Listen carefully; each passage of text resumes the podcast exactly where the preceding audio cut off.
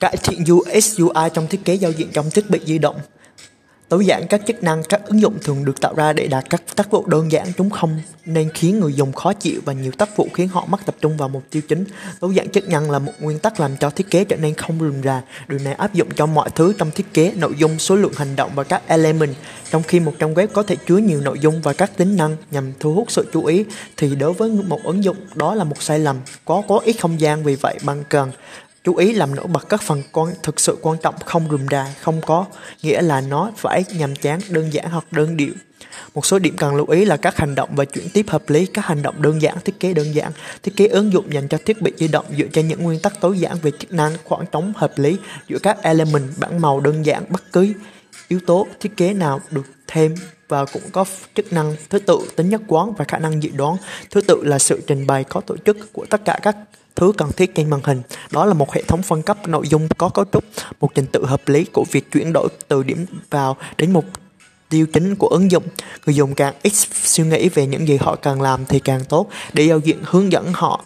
Điều này ngụ ý một cách đơn giản là dễ dàng mà không gây phiền nhiễu, không phải ai chăm chú như các thiết kế. Vì vậy đừng bắt họ phải tìm kiếm những thứ họ cần hoặc cố gắng tìm ra mọi thứ ở đâu.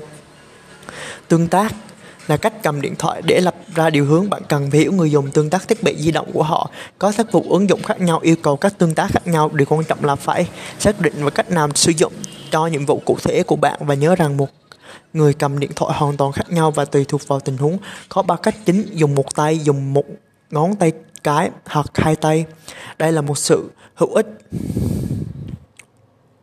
Cử chỉ. Điều hướng ứng dụng thông qua cử chỉ có nhiều lợi thế cho cả người dùng và nhà phát triển các cử chỉ ngón tay phổ biến nhất bao gồm sờ, nhấn giữ, nhấn đúp, kéo, vuốt, lướt, cuộn, kéo và thu phóng. Người dùng đã quen với một số mô hình tương tác nhất định vì vậy tốt nhất bạn nên sử dụng các mô hình quen thuộc không có gì ngạc nhiên ở đây. Animation làm sống động giao diện và giúp người dùng tương tác với ứng dụng.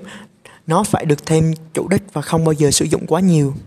Mọi thứ nằm ở trong tầm tay các hành động chính sẽ thu hút sự chú ý của người dùng thông qua vị trí nổi bật và các biểu tượng nút.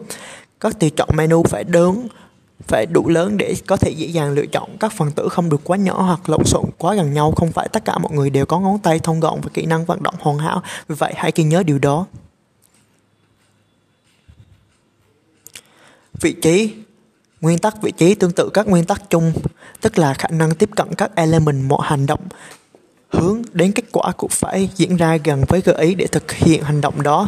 Các nhà thiết kế thường đặt element ở bất cứ nơi nào họ có thể tìm thấy không gian trống, nhưng nếu bạn tạo ra một hành động thì yếu tố giúp thực hiện hành động đó cần phải hợp lý và càng gần càng tốt. Nhưng điều gì sẽ xảy ra khi người dùng không có một danh sách dài, nút bấm sẽ tụt xuống dưới cùng và sẽ không hiển thị. Khi họ chưa cụm trang thay vì thêm nút ở dưới cùng playlist bạn có thể thêm nó phía trên tránh các biểu mẫu form dài, các biểu mẫu dài được chia trên nhiều màn hình để được thực hiện từng bước. Các biểu mẫu chỉ được yêu cầu thông tin thực sự cần thiết để tăng tốc và đơn giản hóa quá trình điền. Bạn có thể sử dụng nút ngón tay tự động để xuất chuyển tiếp và quay lại để tránh thanh cụm. Tránh danh sách thả xuống danh sách thả xuống là drop down, không phải là một ý tưởng hay. Trong một ứng dụng, chúng yêu cầu nhiều thao tác nhắm và cụm điều này gây khó chịu và tốn thời gian, danh sách dài không vừa trên màn hình và có thể làm mất phương hướng.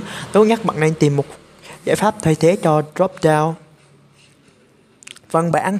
Tính dễ đọc, để dễ đọc không cần phóng to. Văn bản phải tương phản với nền, không nhỏ hơn 11 boy. Mức độ dễ đọc phụ thuộc đáng kể vào phông chữ, khoảng cách dòng và nét chữ. Sức hấp dẫn, đừng cố gắng nhồi nhét quá nhiều văn bản, càng ít văn bản, nó càng trở nên dễ hiểu hơn.